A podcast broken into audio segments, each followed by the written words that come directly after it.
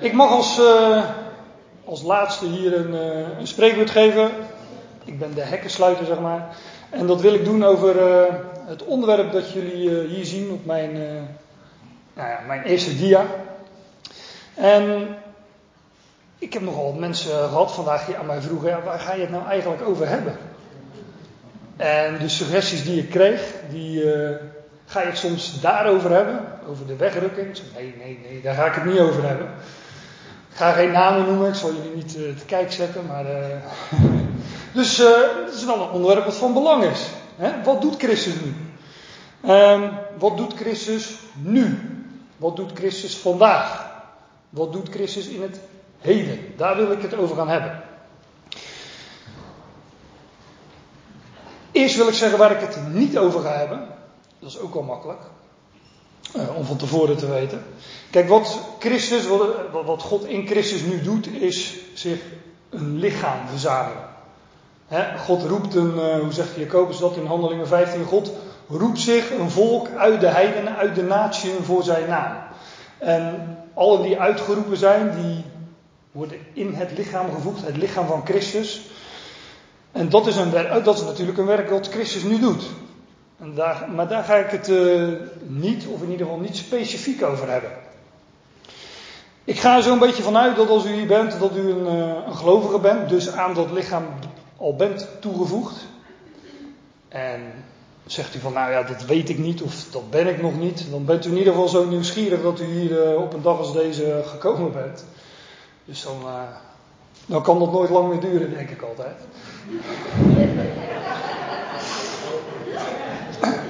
Maar nu, wij zijn gelovigen. Hij heeft ons geroepen, hij heeft onze ogen geopend, hij heeft ons hart geopend. Hoe je het ook wilt zeggen, maar wat doet hij dan nu? Doet hij iets? Doet hij nu iets? Of uh, is het wachten op, uh, op inderdaad een van de suggesties die ik kreeg, de wegrukking? Het, uh, een punt dat, dat op, op Gods agenda staat. Nou, ik ga u vertellen dat Christus wel degelijk een werk nu doet. En uh, daar wil ik u wat schriftplaatsen voor, uh, voor laten zien. Toen ik dit aan het voorbereiden was, toen uh, dacht ik, ja, ik ga deze vraag wil ik beantwoorden. Maar ik kwam vanzelf nog wel wat, wat antwoorden op vragen tegen. En ik wil dus ook niet slechts één vraag beantwoorden, wat doet Christus nu?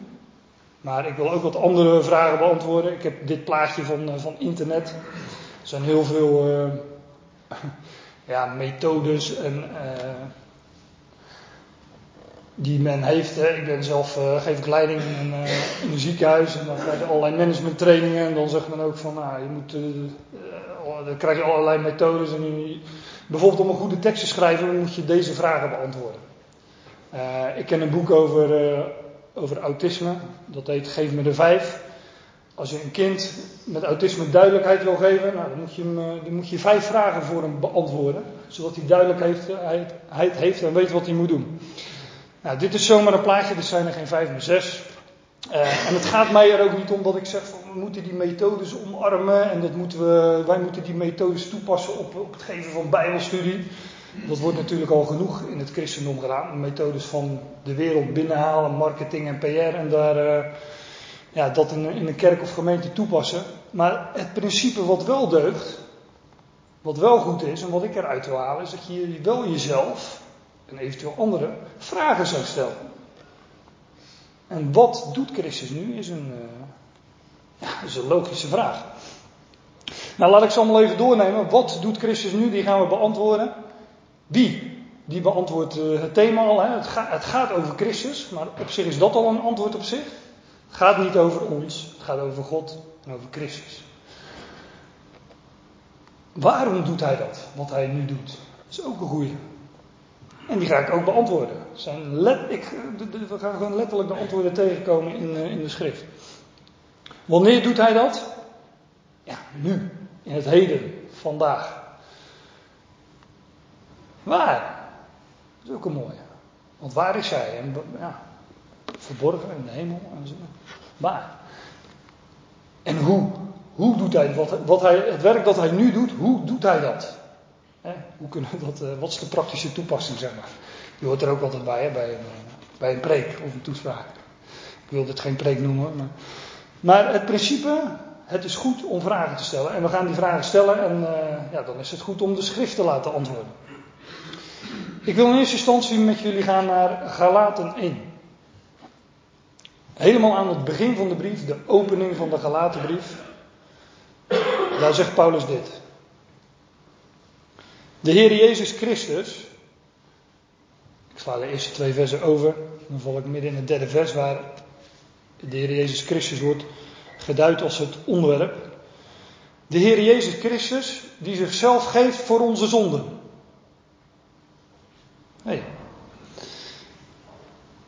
Een van de redenen waarom ik hier sta en waarom ik dit onderwerp uh, eens bespreek, is dat de andere gangbare vertalingen, zoals de Statenvertaling en de NBG, dit allemaal weergeven als een voltooid feit. Die zichzelf gegeven heeft. En daarbij denk je al snel aan het werk dat hij deed hier op aarde, zijn lijden en zijn sterven. Die zichzelf gegeven heeft voor onze zonden. Aan het kruis, denken we dan. Maar dat staat er niet. Er staat een tegenwoordige tijd. Hieronder ziet u de lineair, die heb ik erbij afgedrukt. Degene gevende zichzelf ten behoeve van de zonde. Hij geeft zichzelf voor de zonde. in tegenstelling tot wat de MBG in de Statenvertaling, andere vertalingen heb ik niet gekeken, maar die, die zeggen die zichzelf gegeven heeft. En in bijna alle schriftplaatsen die ik, uh, die ik nu laat zien, en ik had er nog veel meer kunnen laten zien, maar ik wilde me echt aan die 45 minuten ongeveer gaan houden. Die, ik, had, ik, had, ik had wat meer schriftplaatsen, maar ik heb er dus in geknipt. Dus als u straks naar mij toe komt, uh, ja, jouw uiteenzetting was niet volledig, dan, uh, nou, dan zal ik dat alleen maar beamen. Er zijn er dus nog veel meer, maar hier staat dat de Heer Jezus Christus, Christus zichzelf geeft voor onze zonde. Nou, de, ja, de vraag is, wat betekent dat dan, dat Hij zich geeft nu, in het heden, vandaag, voor onze zonde? Wat betekent dat? Het betekent dat Hij ons reinigt van onze zonden. Hij wast ons schoon, Hij reinigt ons. In ieder geval, Hij reinigt ons. Hij geeft zichzelf over voor onze zonden. Betekent dat Hij zichzelf. Uh, dat hij geeft zichzelf voor onze zonden, betekent dat Hij ons reinigt van onze zonden. En dat wil ik u laten zien in, uh, uh, in twee schriftplaatsen. Dus ik maak nu een, een uitstapje vanuit gelaten één naar twee andere schriftplaatsen. En die eerste is Hebreeën 9. Ik lees hem eerst. Hebreeën 9, vers 14. Hoeveel te meer zal het bloed van Christus jullie geweten reinigen van dode werken tot het dienen van de levende en waarachtige God. Hebreeën 9 spreekt over de tabernakel. ja, ik zeg Paulus, maar ik moet eigenlijk zeggen de schrijver van de Hebreeënbrief, want zijn naam staat er niet boven. Maar als ik toch Paulus zeg, dan uh, nou, neemt u me dat niet kwalijk, daar mag u anders over denken. Maar Hebreeën 9 uh, eh, is een hoofdstuk dat spreekt over de tabernakel. Ook Menno haalde het al even aan in zijn toespraak, uh, die tabernakel. De schrijver van de Hebreeënbrief die zegt, er is zoveel over te zeggen, maar daar ga ik over de, de, de, het brandofferaltaar, het koperen wasvat, eh, de kandelaar, al die stukken, die onderdelen die daar stonden. En de schrijver van de Hebreeënbrief zegt, ja, daar ga ik nu van stuk tot stuk niet over spreken. Oftewel, ik kan daar van stuk tot stuk wel over gaan spreken, maar hij deed dat niet, hij nam die gelegenheid niet. Maar waar hij wel over spreekt, de schrijver van de Hebreeënbrief, is over de hoge priester. En die hoge priester, ook dat noemde men nou net, die ging eenmaal per jaar in het heiligdom Namelijk dat allerheiligste vertrek in de tabernakel. De tabernakel had twee vertrekken. In dat allerheiligste vertrek stond die ark van het verbond. En eenmaal per jaar op Yom Kippur, grote verzoen- of beschutdag, ging daar de hoge priester in, in witte linnen klederen. Hou die even vast, daar kom ik straks ook nog op terug. In witte linnen klederen. Om daar bloed te sprenkelen voor, uh, uh, voor dat verzoendeksel. Ik houd het woord maar even aan. En uh, voor, de, voor de ark van het verbond. En dat deed hij, dat staat dan in, het, in, de beschrijving van, ja, van dat ritueel. Dat deed hij om alle zonden, alle zonden van heel het volk weg te nemen.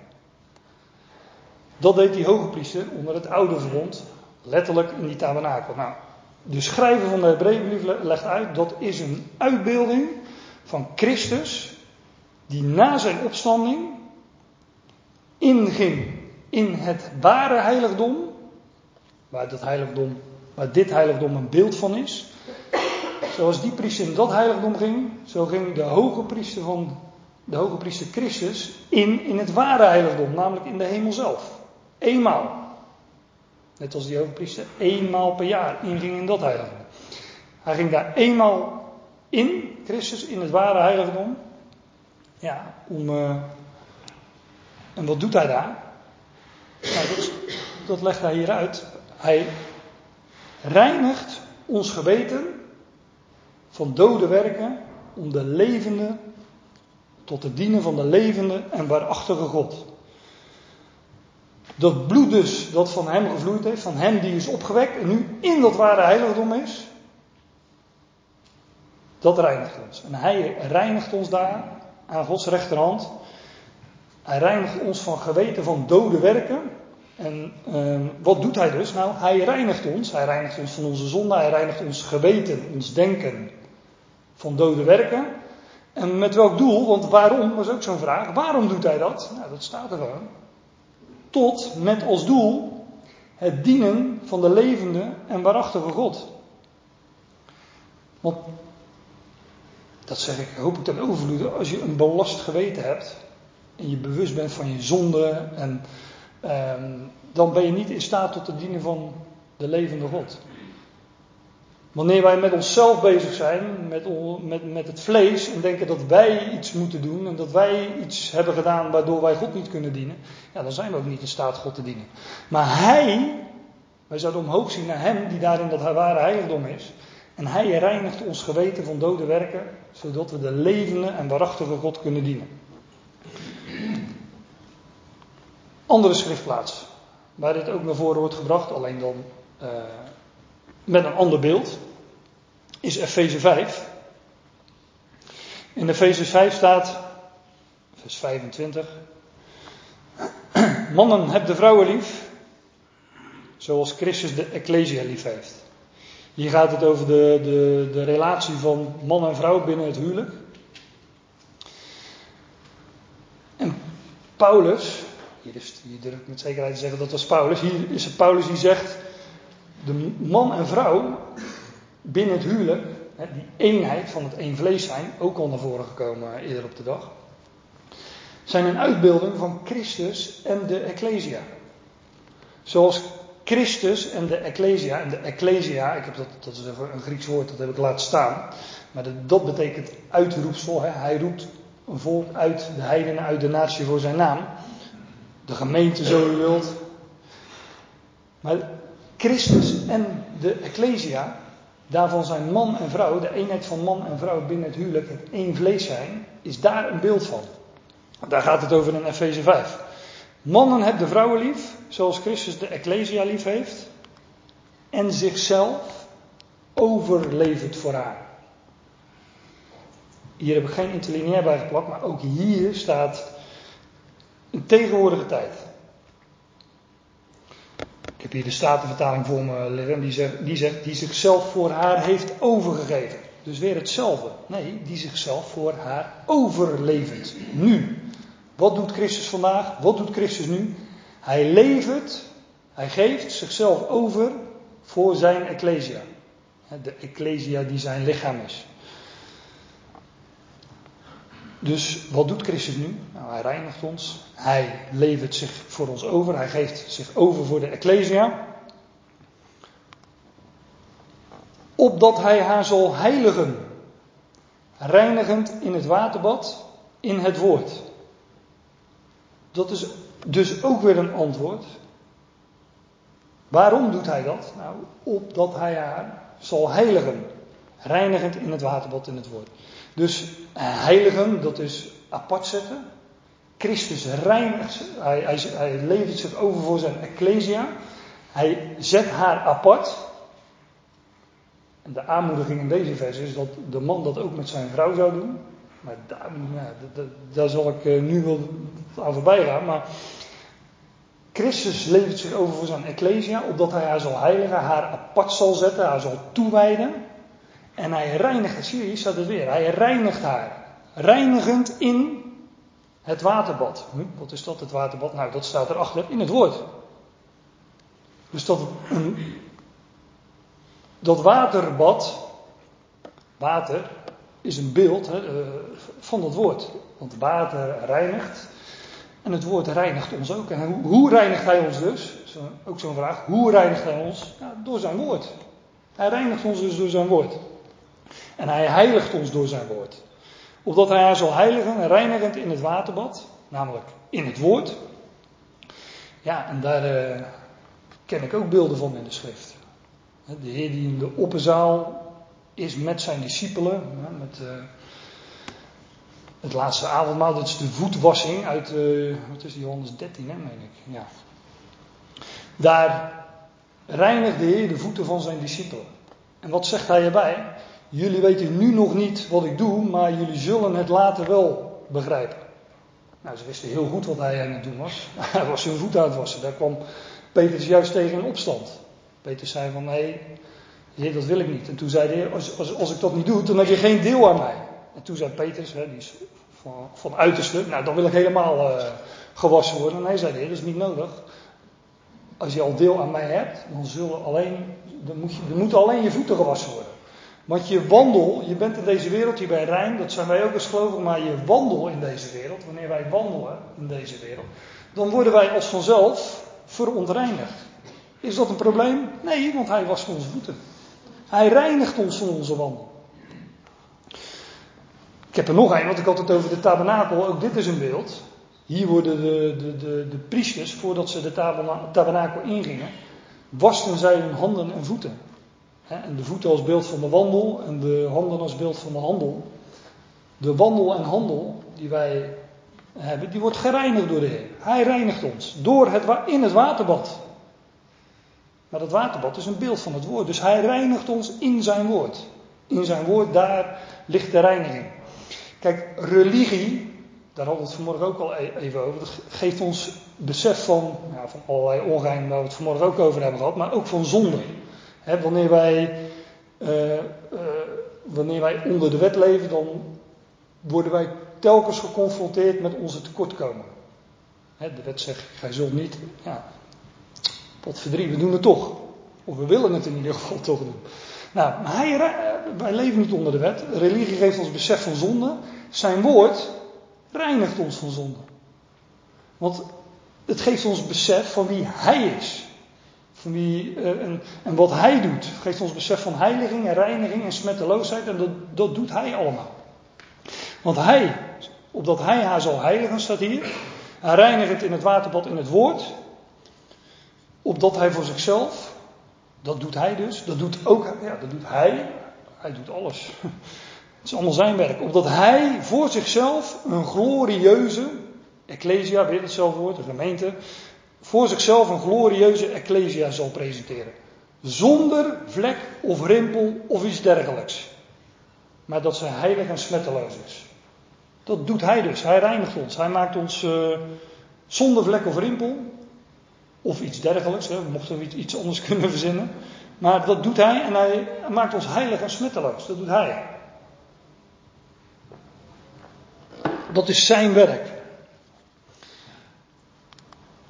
Ja, in de, in de Statenvertaling staat hier zoiets op dat hij zichzelf heerlijk zou voorstellen. Een gemeente die geen vlek of rimpel heeft. Hè? Een glorieuze ecclesie. Nou, dan sla ik één vers over en dan staat er want niemand haat ooit zijn eigen vlees, maar hij voedt het en koestert het, zoals Christus de Ecclesia. Nou, eigenlijk had ik het vers misschien wat hiervoor staat uh, niet over moeten slaan. Ik zal het gewoon voorlezen. Heb het toch voor me liggen. Daar staat, alzo zijn, de, zijn de mannen schuldig hun eigen vrouwen lief te hebben, gelijk hun eigen lichaam. Die zijn eigen vrouw lief heeft, die heeft zichzelf lief. Ik had het net over die relatie van man en vrouw binnen het huwelijk. Dat is een eenheid, het één vlees. En Paulus, Paulus neemt het voorbeeld van man en vrouw en dat de, uh, dat de mannen, hier worden de mannen aangesproken, dat de mannen dus schuldig zijn hun eigen vrouwen lief te hebben Zoals, uh, ja, zoals Christus de Ecclesia lief heeft. Want niemand haat ooit zijn eigen vlees. Wij zouden onze vrouw behandelen als ons, als ons eigen lichaam, als ons eigen vlees. Nou, want niemand haat ooit zijn eigen vlees, maar hij voedt het en koestert het. En dan gaat het om het laatste zin, zoals Christus de Ecclesia. Wat doet Christus nu? Nou, hij voedt en koestert zijn Ecclesia.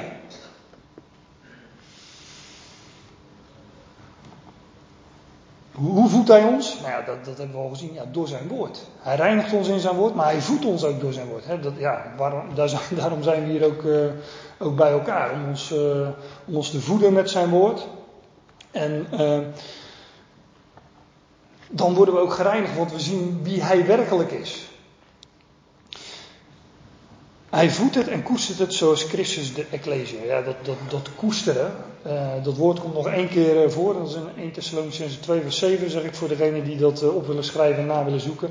En daar zegt Paulus zoals een voedster, hè, een moeder, haar eigen kinderen koestert. Dus die liefde, zoals een moeder voor haar kinderen, hè, haar kinderen voedt en koestert. Hè, verwarmt en knuffelt en nou, lief heeft. Ja, dat is dus ook een antwoord op de vraag: waarom doet Christus, waarom geeft hij zichzelf over? Waarom reinigt hij ons? Nou, omdat wij zijn lichaam zijn. Zoals Christus de Ecclesia, want niemand haat ooit zijn eigen vlees, zijn eigen lichaam. Wij zijn zijn lichaam en hij geeft zichzelf dus voor ons over, omdat wij zijn lichaam zijn. Wij zijn één met hem. Zoals man en vrouw één vlees zijn, zo, dat is een beeld van Christus en de Ecclesia. Dat is een onverbrekelijke eenheid. Wij zijn één met Hem en daarom doet Hij dat werk aan ons.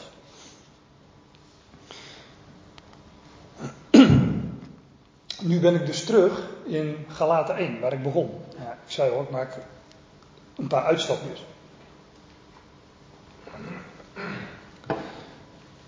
Daar stond de Heer Jezus Christus, die zichzelf geeft voor onze zonden om ons uit te tillen uit de nu bestaande boosaardige aion. Naar de wil van onze God en Vader.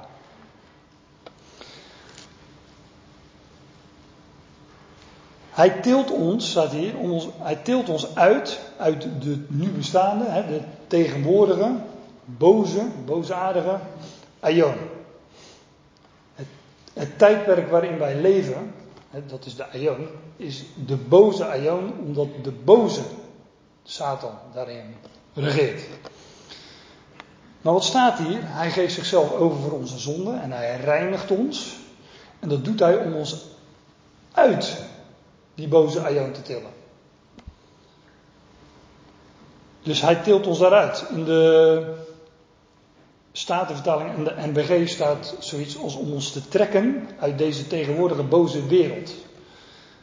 Nou, dat, is, uh, ik vind sowieso al het woord uh, trekken, dat klinkt altijd heel moeilijk, maar hij tilt ons uit. Dat, dat klinkt veel mooier, mooier, hè? want als je uitgetild wordt, word je ergens bovenuit getild. En dan heb je ook uitzicht en overzicht. En dat is wat hij ons ook geeft in zijn woord. Hij tilt ons uit die tegenwoordige boze aion. En um,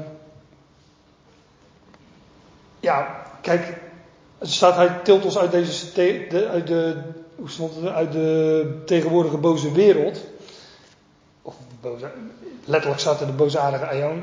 En wij denken van ja, maar we staan hier toch nog met onze beide benen hier uh, op aarde. Ja, maar het is een, het is een godswaarheid dat hij ons daar uittilt en ons daar uithaalt. Wij worden, uh, men heeft altijd over een juridisch document, maar juridisch worden wij niet meer zo gerekend. Ik zal dat straks ook nog laten zien. Hij tilt ons uit de nu, hij, geeft zichzelf voor onze zonde om ons uit te tillen uit de nu bestaande boosaardige aion. Naar de wil van onze God en Vader. Maar uit deze boze aion worden wij getild. Maar waar, waar naartoe dan? Nou, dat vinden we bijvoorbeeld in, uh, in Colossense 1. Daar staat uh, in vers 13. Hij redt ons. Hier staat in de Statenvertaling ook zoiets als hij trekt ons, maar er staat letterlijk hij redt ons. Uit, vanuit de autoriteit van de duisternis. uit de macht, de, de macht, autoriteit van de duisternis. Dus deze boze aion is een aion waarin Satan regeert. Daarom is het een boze aion, want de boze regeert daarin. En hij redt, of hij trekt voor mij part, hij, maar hij, haalt, hij redt ons daaruit. Vanuit die autoriteit, vanuit die macht van die duisternis. Dus wij zijn ook niet meer onder die macht van de duisternis. En hij verplaatst ons tot in het koninkrijk van de zoon van zijn liefde. Dus wij worden van het, uit het een gehaald en verplaatst in het ander. Dat is wat hier staat. Dus dat heeft geen invloed meer op ons, want wij zijn hier. Wij zijn niet daar, wij zijn hier. Wij zijn van A naar B. En als je dit soort dingen gaat leren en, uh, elkaar voorhoudt, daar zijn we ook op een dag als deze voor bij elkaar natuurlijk, maar ook gaat beseffen, dan, ja, dan heeft die macht van de duisternis dus inderdaad geen macht meer over. Maar je moet die dingen wel kennen en zo reinigt hij ons. Hij redt ons vanuit de macht, autoriteit van de duisternis en hij verplaatst ons tot in het koninkrijk van de zoon van zijn liefde. Ik moet daar wel bij zeggen, dat koninkrijk is een verborgen koninkrijk. Ik bedoel, mensen zien dit niet aan ons, dat wij verplaatst zijn tot in het koninkrijk van de zoon van zijn liefde. Dus we kunnen het hooguit horen hè, als we daar getuigenis van geven. Maar je kan dat niet zien. Want, want hij is verborgen in dat ware heiligdom. Dus ons leven is met, met Christus verborgen in God. Dat is ook verborgen. En dat wij gezet zijn in het koninkrijk van de zoon van zijn liefde. Ja, dat is ook een verborgen waarheid. Want het is tot nu toe een verborgen waarheid. Het zal niet lang meer duren, dat koninkrijk zal geopenbaard worden. Nou, daar hebben we een heel Bijbelboek over, de openbaring van Jezus Christus. Dat gaat daarover. Nou, dat, uh, daar hebben we het een andere keer wel weer eens over. Ik wil nu nog met jullie gaan naar uh, een andere schriftplaats. Romeinen 12.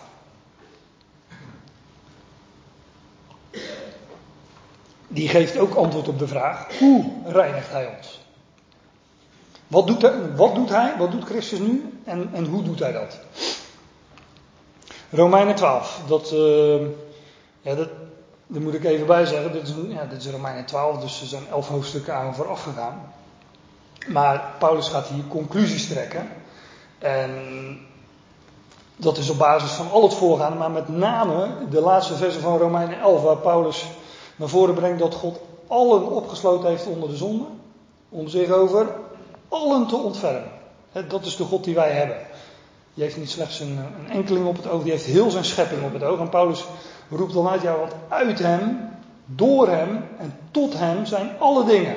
Dat is die ene God waar het vanmorgen ook over ging. Uit hem, door hem en tot hem zijn alle dingen. breekt Paulus uit in die, die bekende lofzang in het slot van Romeinen 11. En dan zegt hij, ja, ik roep jullie dan op, broeders, in verband met het voorgaande daar heeft het mee te maken. Als je dat weet, als je dat mag beseffen. Ik roep jullie dan op dat jullie je lichamen presenteren als een levend, ook weer heilig en welgevallig offer aan God. Dus, elders zegt schrift, stier voor alle, dus stierven al. Wij, zijn, wij zijn samen met Christus gekruisigd, dus wij zijn met hem gestorven. Maar doordat hij, wij, delen zijn positie en doordat hij is opgewekt, leven wij voor hem.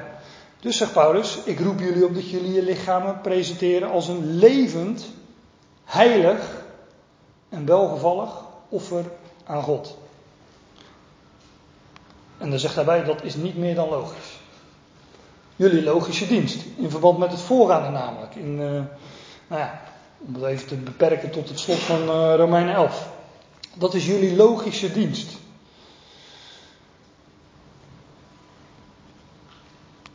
En dan zegt hij, en wordt niet gevormd naar deze aion. Deze boze aion, zoals het in gelaten 1 vers 3 of 4 stond. Dat vers wat ik net liet zien. Deze boze aion, daar zouden wij niet naar gevormd worden. En ik heb dit plaatje, het zijn oude media, maar uh, we, hebben natuurlijk heel, in, vooral in onze tijd is er een stroom van informatie. Uh, dit is al een beetje achterhaald natuurlijk, zo'n papieren ding, hoewel sommigen dat, uh, daar toch nog de voorkeur voor hebben. Maar we hebben allerlei nieuwe media die ons, um, hoe zeg dat netjes, die ons doodgooien met allerlei meningen, opinies, informatie, filosofieën enzovoort. Dat komt als een stroom over ons heen. En je kunt je er een beetje tegen beschermen, maar je ontkomt er niet aan. Nou, dat is deze, wat deze Aion allemaal voortbrengt. En ik zat vanmorgen te luisteren naar, uh, naar Aad en, en André. En toen dacht ik van ja, dat zeg ik nou wel. En dat is ook ongetwijfeld zo. Maar wat in deze Aion ook over ons uitgestort wordt, zijn allerlei leerstellingen en meningen die uit de godsdienstige wereld naar ons toe komen. Bijvoorbeeld zoals die leer van de drie-eenheid. En wanneer word je gevormd naar deze Aion? Als je gewoon met stroom meegaat. Uh, je, het zal allemaal wel en uh, je neemt het allemaal tot je. En zo is het in de godsdienstige wereld ook natuurlijk. Je kunt het allemaal tot je laten komen. Uh, ja, en over je heen laten komen en mee, met de stroom meegaan. Dat kan. Maar, zegt schrift, wij zouden niet gevormd worden naar deze aion. En dat geldt ook op godsdienstig gebied. En dat gaat vanzelf. Wordt niet, dit, dit, hier staat het woordje, wat dan hier vertaald is met uh, niet gevormd worden, uh, niet gevormd. Maar, het vormen naar, dit woordje zus, is een woord dat uh, betekent samen. Wordt niet samen gevormd naar deze aion. Nou, wat moet je daarvoor doen? Nou, daar hoef je niet zo heel veel voor te doen. Gewoon met stroom meegaan. Dat is samen gevormd worden. Samen, woordje schema zit hier ook nog in. Samen in het schema meegaan met deze aion. zoals die leerstellingen ook. Die zijn ook, uh, die zijn ook geschematiseerd. En uh, ja, hoe zeg ik dat? Die zijn ook op schrift gesteld en, en allemaal uitgewerkt. Wordt niet gevormd naar deze aion. Oh, hier had ik nog een, een andere weergave van het woordje. Inderdaad, sa samen gevormd. In het schema, samen, samen mee, gewoon maar meegaan in het schema van deze aion. Wordt niet gevormd naar deze aion, maar wordt omgevormd. In de vernieuwing van jullie denken. Maar wij zouden omgevormd worden. En dit woord kennen jullie ook allemaal. Het woord metamorfose. Wordt ondergaan een metamorfose, zegt de schrift hier wordt getransformeerd. Getransformeerd in de vernieuwing van jullie denken.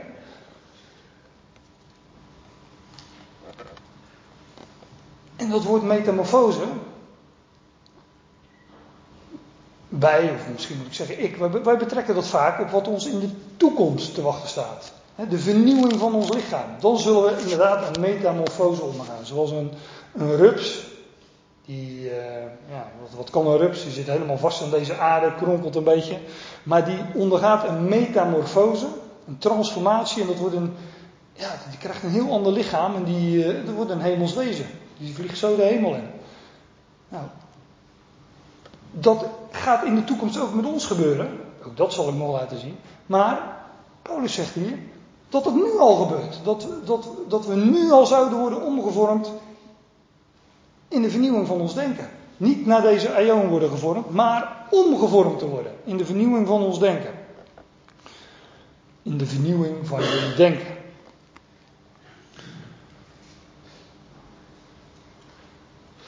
Ja, hoe, hoe, verandert hij ons denken? Ja, door zijn woord. Dat, dat hebben we al eerder gezien natuurlijk. Hij reinigt ons, hij heiligt ons en hij verandert ons denken door zijn woord. Hij in het waterbad, namelijk in het woord. Wordt niet gevormd naar deze aion, maar wordt omgevormd in de vernieuwing van jullie denken om te toetsen wat de wil van God is. Het goede, welgevallige en volmaakt.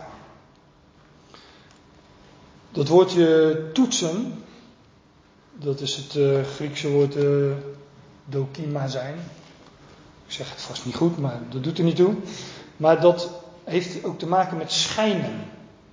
Dus het toetsen wat de wil van God is, is ergens je licht over laten schijnen. want dat zegt de schrift ook, in Efeze 5 is het mening. Al wat openbaar maakt is licht. En zijn woord is licht. Dus zijn woord dat, dat reinigt ons, dat zet dingen in het licht, dat geeft ons overzicht. En wat doet Christus nu? Nou, Hij geeft zichzelf voor ons over en hij reinigt ons en dat doet hij door zijn woord. Zodat wij zouden toetsen wat de wil van God is, het goede, welgevallige en volmaakt. Ja, en waar, waar vinden we dan die dingen?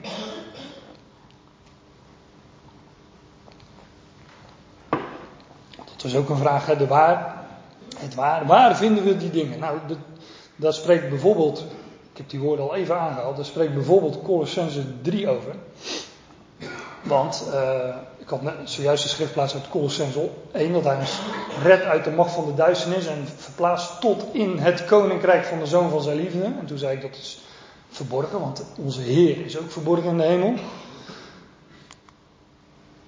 En in Colossense 3 staat dan, indien jullie dan samen, ook weer dat woordje samen, wij zijn één met Hem, samen met Hem. Ik ben samen met Christus gekruisigd en ik leef, maar niet meer ik, maar Christus leeft in mij. Wij, wij delen in zijn positie. Indien jullie dan samen met Christus opgewekt werden, zoek de dingen die boven zijn of omhoog zijn. Dat is de, de richting die het aangeeft. Waar Christus is, want Hij is daar. En hij, hij reinigt ons, Hij heiligt ons. Zoek de dingen die boven zijn, die omhoog zijn. Waar Christus is, die aan de rechterhand van God zit. Wees de dingen gezind die boven zijn. Of bedenkt de dingen. Hè? Maar gezindheid is nog wat. Ja, je, je zinnen ergens op zetten. Dat is nog wat anders dan ja, dingen bedenken. Of, nee, gezind zijn. Je, wees de dingen gezind die boven zijn. Want daar is hij.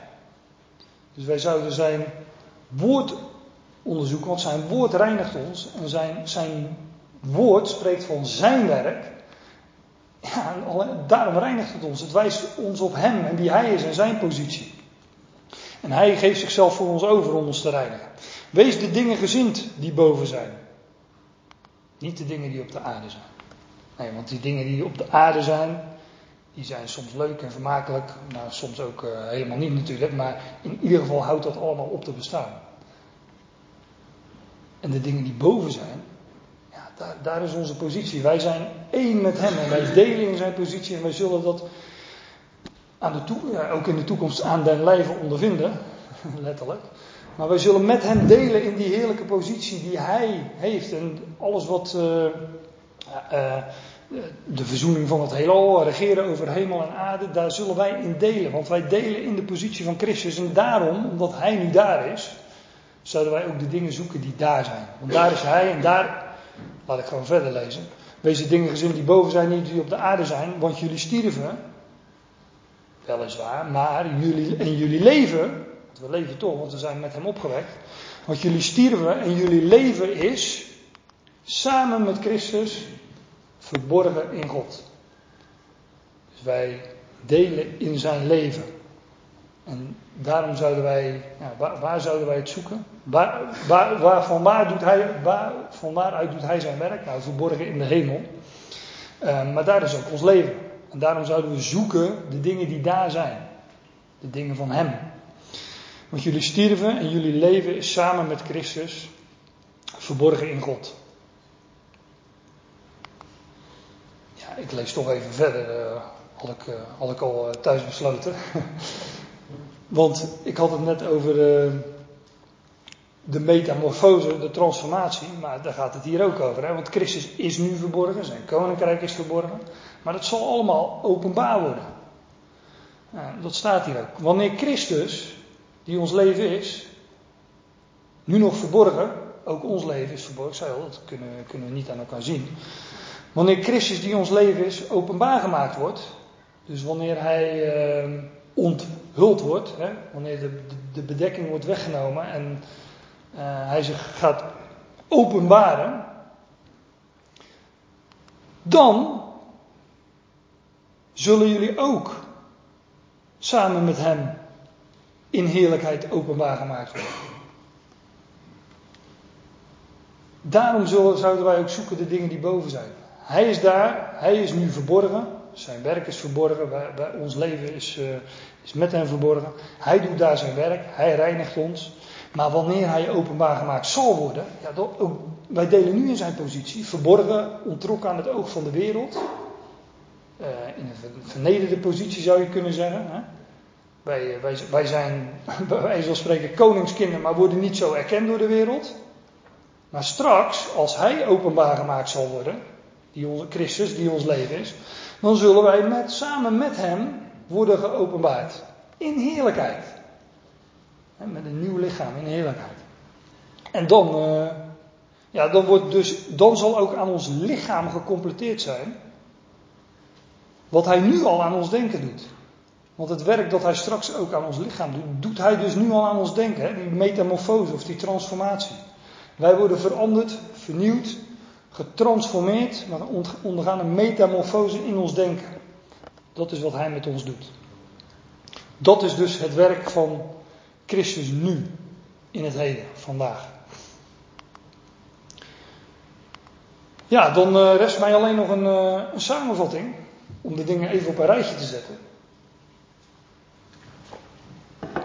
En wil ik gewoon even die, die vragen die ik uh, zo aan het begin gesteld had, nog even kort beantwoorden. Tenminste, dat heb ik al gedaan. Maar ik zet ze nog even op een rijtje. Nou, wie? Het gaat niet om onszelf. Het gaat om Christus. Wie doet het? Het antwoord is altijd Christus.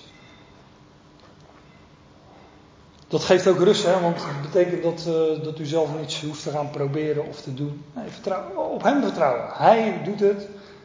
Hij heeft het gedaan, Hij doet het en Hij zal het doen. Alles wat, uh, wat God beloofd heeft in zijn, uh, in zijn woord. Wie? Christus. Wanneer reinigt hij ons, of geeft hij zich voor ons over, of levert hij zich voor ons over, hoe je het ook zegt. Wordt op diverse manieren beschreven. Nu, vandaag, in het heden, of zo, dit, dit tijdperk, deze, uh, deze huishouding van genade, zoals Paulus dat in Efeze 3 noemt. Ja, wat, doet, wat, wat doet hij vandaag? Ook dat is op verschillende manieren te zeggen. Hij reinigt ons en heiligt ons. Hij zet ons apart, hij bijt ons toe. Hij tilt ons uit deze tegenwoordige boze aion. Of, ja, zo kan ook zeggen, hij redt ons uit de macht van de duisternis. En hij verplaatst ons tot in het koninkrijk van de zoon van zijn liefde. En hij verandert, hij transformeert ons denken. Waar doet hij dat werk? Nou, dat doet hij verborgen in de hemel. Dus dat is ontrokken aan het oog. En uh, ja, wellicht ook aan het, aan het gevoel en aan, ervaring. Maar zijn woord zegt dat dit gebeurt. En dat, ja, daar zou, dat zouden wij geloven. Verborgen in de hemel. En waarom? Waar, waartoe doet hij dat? Niet, dus ook weer niet ten behoeve van ons, zodat wij fijn en makkelijk door het leven zouden gaan en uh, uh, allemaal tot, tot onze eigen. Nee, omdat wij zijn lichaam zijn, omdat wij één met hem zijn en bij hem horen. En opdat wij de levende en waarachtige God zouden dienen. Tot het dienen van de levende en waarachtige God. Daarom doet hij dat. En hoe reinigt hij ons? Ja, door zijn woord. Hij reinigt ons door zijn woord en in zijn woord ligt alles. En uh, ja, dat hoef ik jullie ook niet te vertellen, want jullie zijn hier niet voor niets gekomen. We komen ook bij één rondom dat woord. En dat is ook uh, wat ons reinigt, wat ons heiligt en uh, ja, waarin, we, waarin we Hem vinden, waarin we, kunnen, waarin we zoeken de dingen die boven zijn. Ik stel voor om het uh, hierbij te gaan laten.